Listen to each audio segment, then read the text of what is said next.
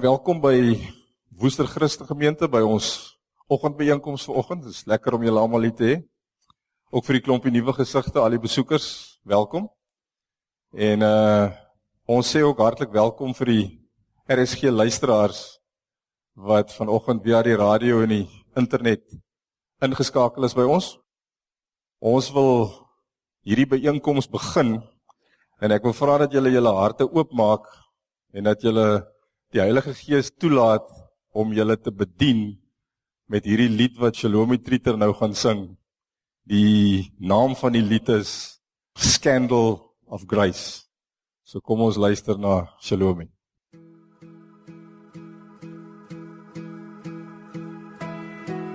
Grace, what have you done?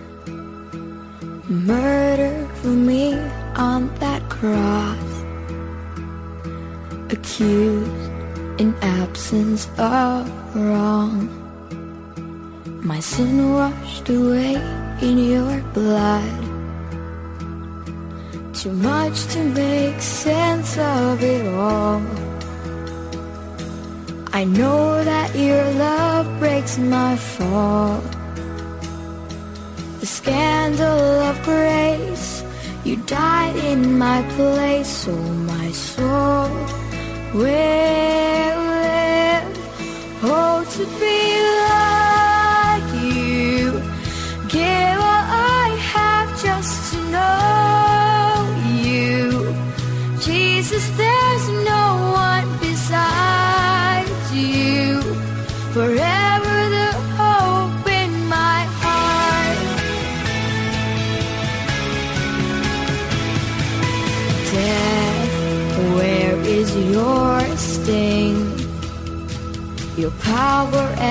Dead as my sin.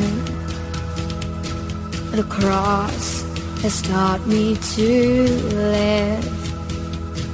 And mercy, my heart now to sing. The day and its trouble shall come. I know that your strength is enough. The scandal of grace, you died in my place, so my soul will live. Oh, to be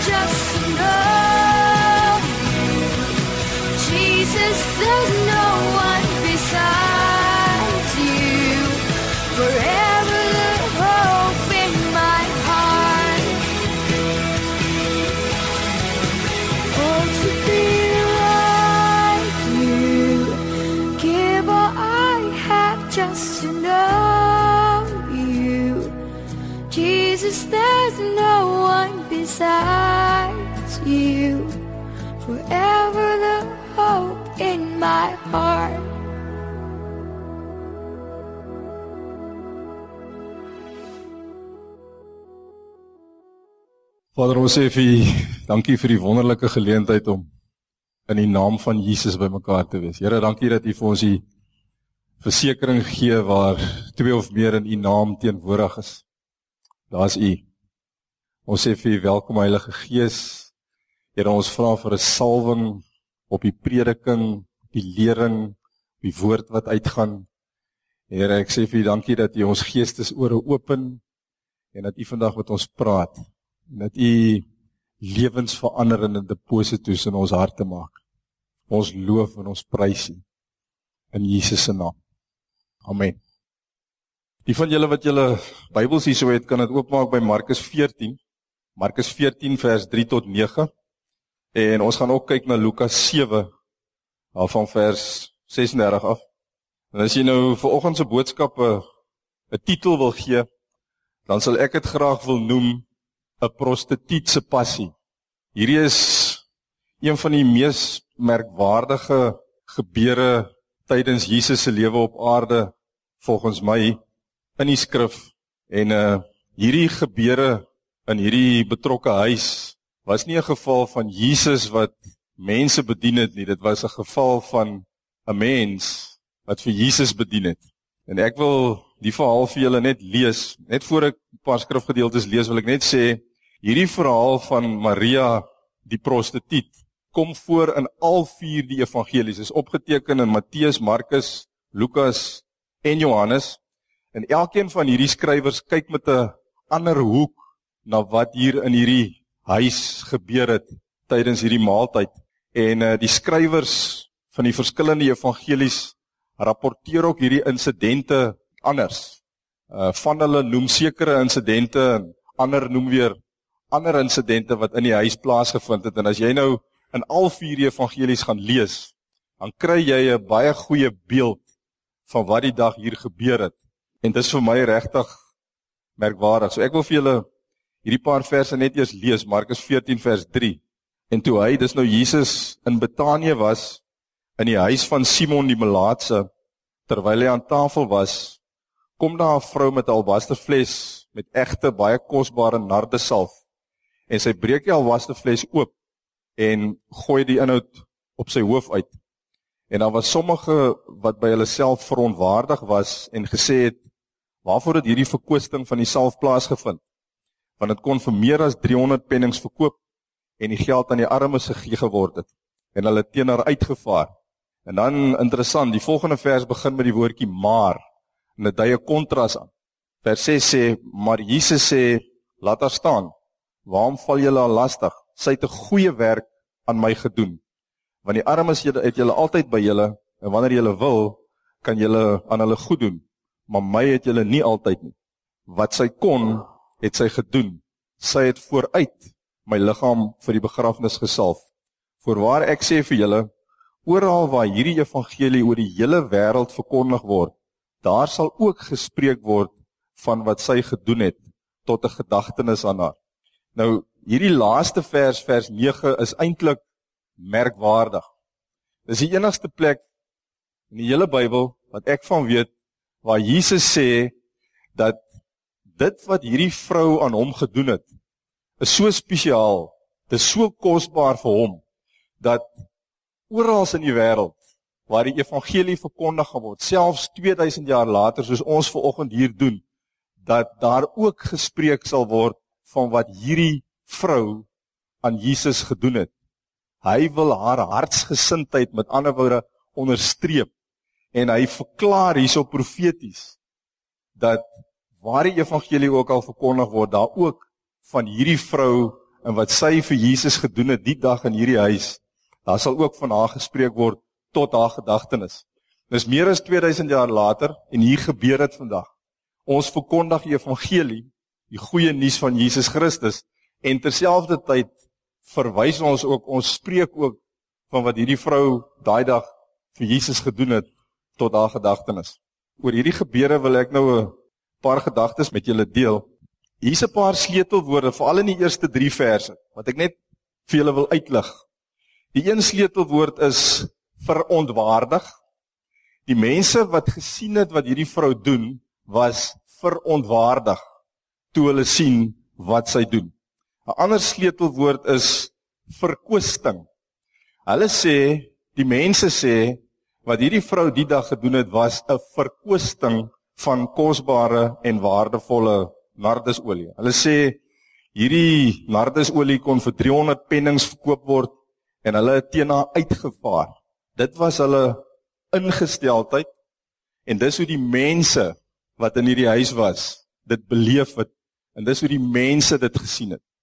En dan vers 6, soos ons gesê het, begin met die woordjie maar. Nou die woordjie maar dui 'n kontras aan.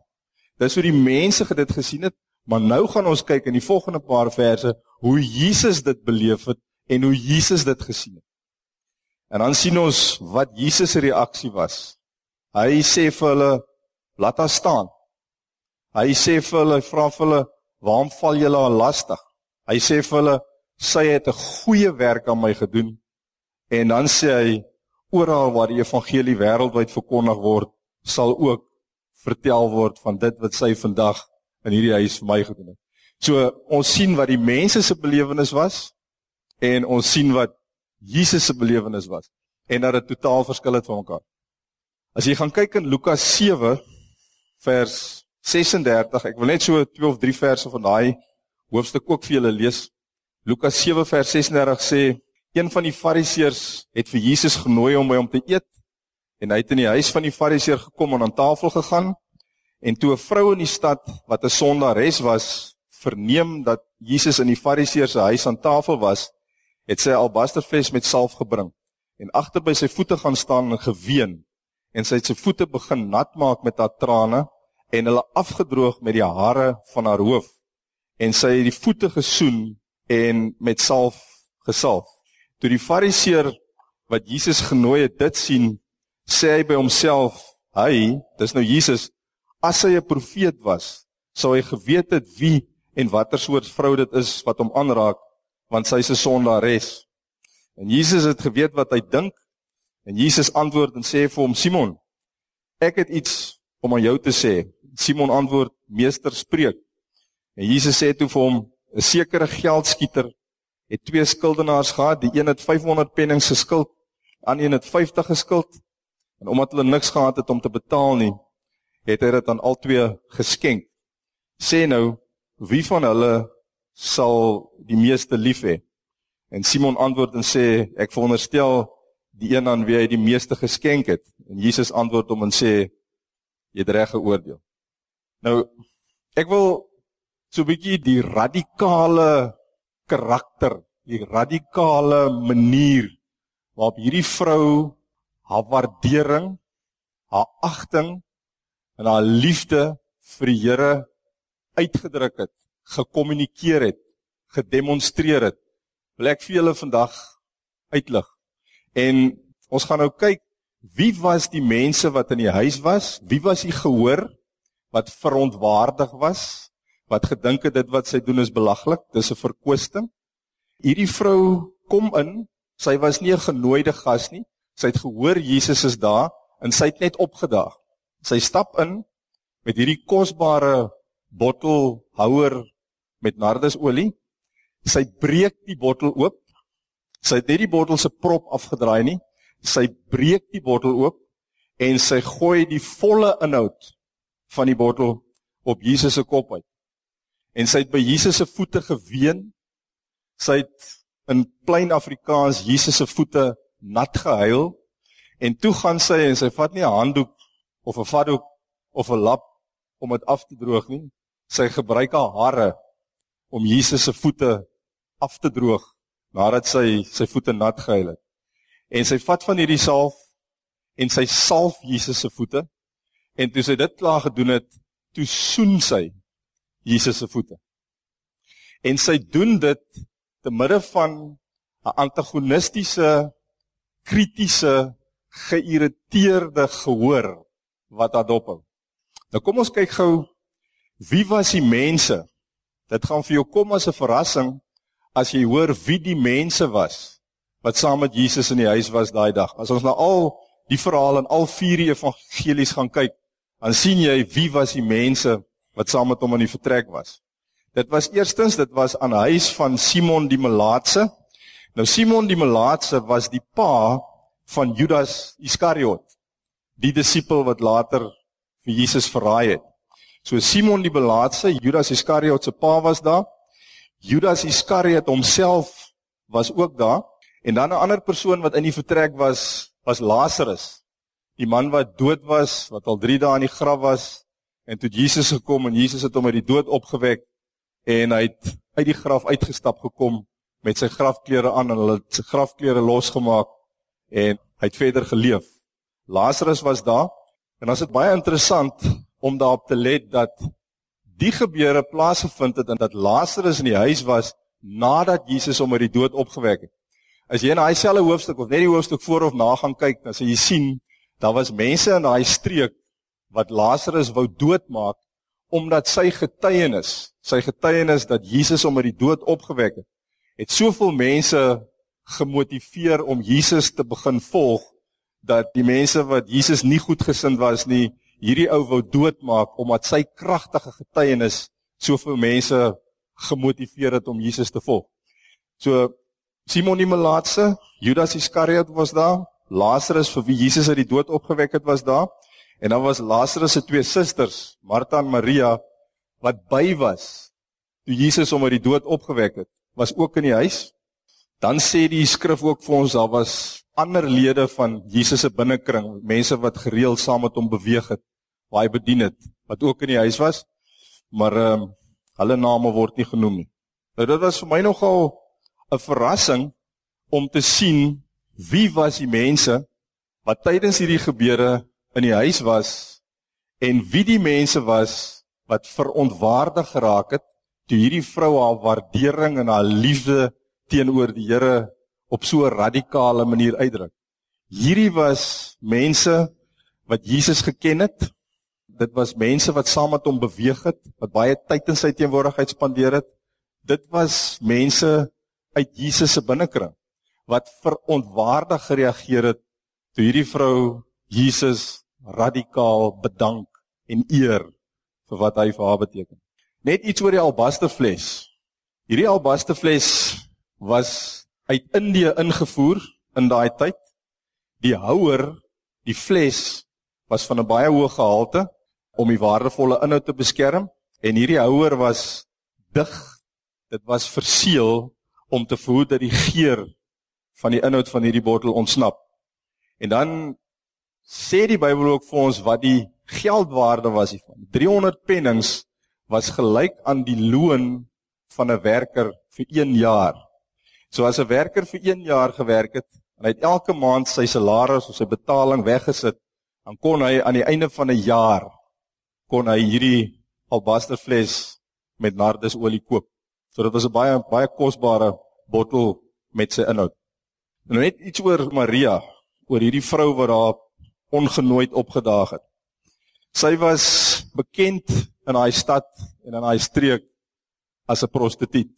Sy het met ander woorde geen posisie gehad nie, geen status nie, geen aansien nie. Inteendeel sy het 'n slegte reputasie in die gemeenskap gehad. Almal het haar verlede geken. En as 'n mens net so 'n bietjie dink oor wat hier gebeur het, sy sy kom ingestap ongenooi, sy's nie 'n gas nie.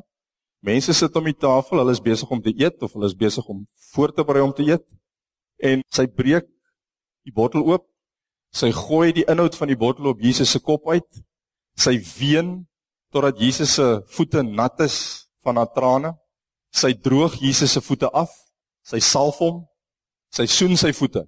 Hierdie gebeure kan nie in 'n minuut of in 90 sekondes afgehandel word. Hierdie gebeure het 'n rukkie lank aangehou. En terwyl dit gebeur, sit daar 'n antagonistiese kritiese gehoor wat haar dophou. Hulle het glad nie haar passie verstaan nie. Hulle het nie haar waardering nie liefde wat sy vir Jesus gehad het hulle nie met haar gedeel nie. Ek kan nou maar net dink die opmerkings terwyl sy en Jesus daar intiem was met mekaar wat die mense gesê het opmerkings lyfstaal en die atmosfeer waar binne sy op hierdie radikale manier haar liefde en haar waardering vir Jesus uitgedruk. Ek wil dit so sê, sy moes deur 'n vleesmuur breek om vir Jesus te sê om vir hom te doen dit wat sy in haar hart gehad het om vir hom te doen. Sy moes letterlik in hierdie atmosfeer deur 'n vleesmuur waar daar weerstand was, waar daar antagonisme was, waar daar amper intimidasie was om dit nie te doen. Sy moes deur daai vleesmuur breek om dit te doen. En ek wil net so vir 'n oomblik met ons praat. Jy's dalk in presies dieselfde situasie. Daar's dalk ook 'n verontwaardigde vriendekring. Daar's dalk ook 'n verontwaardigde familielid of twee. Jy sit met hierdie liefde vir die Here. Jy sit met hierdie waardering vir wat Jesus vir jou op Golgotha gedoen het en wat hy elke dag nog vir jou doen. Maar om jou is hierdie vlees muur. Jy ervaar die weerstand Die atmosfeer is gelaai. Dis nie vir jou maklik om op 'n radikale manier in die openbaar in die publiek te sê wat jy graag wil sê, te wys wat jy graag wil wys of te verklaar wat jy graag wil verklaar. Ek wil jou vandag bemoedig. Jy's in goeie geselskap. Dit was presies dieselfde situasie waarin hierdie prostituut was. Die mense om haar was dit wat sy doen glad nie goed gesind nie. Hulle was nie op dieselfde bladsy nie. Daar was druk op haar om dit nie te doen nie. En ten spyte van hierdie druk en hierdie weerstand, het sy voortgegaan. En wat vir haar belangrik was, was nie wat die mense gedink of wat die mense gesê het nie. Wat vir haar belangrik was en wat haar haar keuse laat maak het om voort te gaan daarmee, was haar liefde en haar waardering vir die Here en wat hy sê en wat hy dink en hoe hy ervaar dit wat sy daai dag in die huis gedoen het. Soos ons reeds gesê het, sy by die huis ingestap gekom en sy die albasterfles gebreek. Nou toe ek lees sy die albasterfles gebreek, het ek eers gedink die houer, die fles was so ontwerp dat jy hom moes breek om die inhoud uit te kry. En ek het gaan oplees en ek het seker gemaak dit was nie die geval nie. Hierdie albaster fles het 'n prop gehad. Maar sy het nie die fles oopgedraai nie. Sy het die bottel gebreek. Sou sy die prop afgedraai het, sou sy die bottel kon oopmaak en sy sou die inhoud van die bottel berekend bietjie vir bietjie op Jesus se hoof uitgooi en sy sou kon gekies het hoeveel van hierdie inhoud sy uitgooi en hoeveel sy terughou. Nou kyk mooi wat sy gedoen het. En hierso wil ek jou regtig bemoedig of jou aanmoedig, laat die Heilige Gees nou met ons praat. Daar's 'n verskil tussen openheid en gebrokenheid. Daar's 'n verskil tussen openheid en gebrokenheid. Ons sê dikwels ons is oop vir die dinge van die Gees en is goed. Dis goed om oop te wees vir die dinge van die Gees. Maar solank ons net oop is, dit was dieselfde met die bottel. Solank ons net oop is, is ons nog in beheer. Maar die oomblik toe Maria die bottel breek, het sy beheer afgestaan. Sy kon nie meer beheer hoeveel van die inhoud van die fles sy op Jesus wou uitgooi. Ek het net ervaar dis iets wat die Here vir ons vandag wil sê. Dis iets wat die Here vandag vir ons wil aanmoedig om te doen. Dat ons beweeg van openheid na gebrokenheid voor hom. Want wanneer ons aanbeweeg van openheid na gebrokenheid, dan staan ons beheer af. Om oop te wees vir die dinge van die Gees is 'n goeie ding. En ek wil dit miskien ook net hier ingooi. Sommige van ons moet nog daar kom. Ons moet nog oopmaak vir die dinge van die Gees. En dit is baie nodig vir ons om oop te wees, ontvanklik te wees vir die werking van die Heilige Gees in ons gemeentes, in ons dag tot dag lewe, selfs in die werkplek. Jy sien die woord sê jy kan nie nuwe wyn in 'n ou wynsak gooi. Hoekom nie? 'n ou wynsak is hard, 'n ou wynsak is rigied en nuwe wyn is onstuimig. Nou teen die agtergrond hiervan sê die woord vir ons, jy kan nie nuwe wyn in 'n ou wynsak gooi. Hoekom nie? Want die ou wynsak gaan die nuwe wyn dwing om die ou sak se vorm aan te neem. En dan gaan die eienskappe en die impak wat die nuwe wyn kan maak, al die potensiaal wat opgesluit is in die nuwe wyn, gaan verlore want die ou wynsak dwing die nuwe wyn om die rigiede vorm van die ou wynsak aan te neem. En ek wil dit waag om te sê ek dink dis die dilemma waarin baie mense hulle self vandag bevind. Die Heilige Gees het gekom, hulle gees kom wederbaar, die gees van God leef in hulle, maar hulle bevind hulle self in stelsels, in godsdienstige stelsels waar die nuwe wyn nie werklik geakkommodeer word, waar die nuwe wyn gedwing word om homself uit te druk in 'n ou wynsak. En wat dan gebeur is hierdie kosbare kragtige nuwe wyn word gedwing om die vorm van die ou wynsak aan te neem en die nuwe wyn se potensiële impak gaan verlore. Wat is die oplossing? Die oplossing is gebrokenheid. Die oplossing is nederigheid. Die oplossing is om te sê, Here, ons erken dat ons nog nie die volheid van die werking van die Heilige Gees ervaar nie. Ons het vir watter rede ook al nog nie regtig oopgemaak daarvoor nie. Vandag Here sê ons ons is jammer. Vandag sê ons Here vergewe ons en gee vir ons 'n begeerte om ons harte en ons lewens ten volle oop te maak sodat ons die volheid van die werking van u Heilige Gees in ons harte en ons lewens kan ervaar. Nou net ietsie oor Maria. Maria was al verby openheid. Sy was by gebrokenheid. Sy het niks gehad om te verloor nie. Sy het geen reputasie gehad wat sy in stand wou hou nie. Sy was 'n prostituut. Sy het nie 'n saak gehad met wat die godsdienstige aristokrasie sê of dink van haar nie. Al wat vir haar belangrik was en al wat vir haar saak gemaak het was wat sê Jesus. En wanneer ek en jy in daai plek is, wanneer die alles oorheersende faktor vir ons is wat sê Jesus hiervan? Wat dink Jesus hiervan? Wanneer ons by die plek kom waar ons 'n saak het met wat mense sê.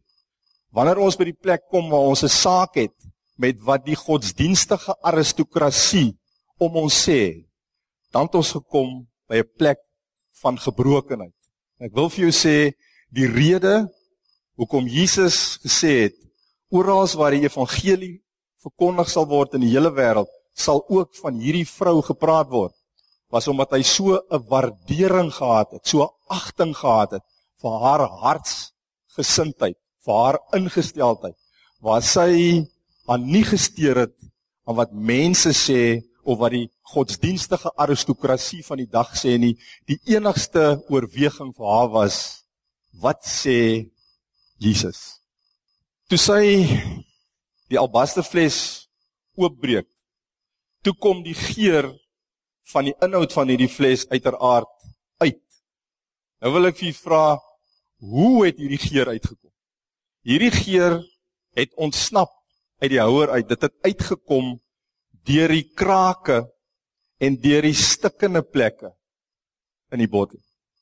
Wanneer ons gebroke is, voor die Here en wanneer ons gebroke is, bereid is om gebroke te wees voor mense, dan kom hierdie kosbare geur word dit vrygelaat en vul dit die omgewing en word ander mense blootgestel aan.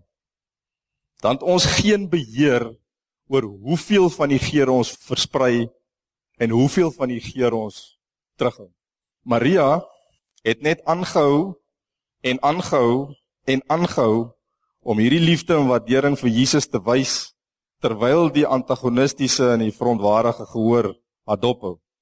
En dit was wat vir Jesus so kosbaar was.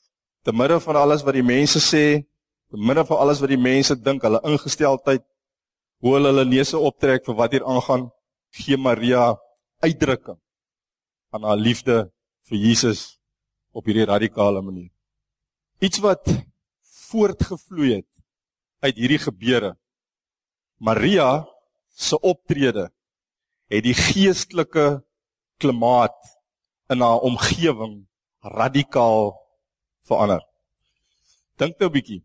Sy die volle inhoud van hierdie fles met olie op Jesus se hoof uitgegooi. As gevolg van hierdie radikale gebaar van haar het hierdie huis vir weke daarna geruik soos hy nog nooit voorheen geruik het nie. En wat vir my opgeval het is die mense wat daar was, het nie vir Maria geruik nie. Die mense wat daar was, het die inhoud van die albasterfles geruik. Nou dis dis wat gebeur wanneer ek en jy in ons gebrokenheid, ons liefde, ons waardering, ons dankbaarheid teenoor Jesus wys, wanneer ons dit skaamteloos in die openbaar ten aanhoor en ten aanskoue van antagonistiese kritiese mense doen, dan sal gebeur wat hier gebeur het in die geval van Maria. Toe sy dit doen, het sy die atmosfeer, die geur, die aroma in daai huis verander en dit het, het so gewees vir weke na hierdie gebeurtenis.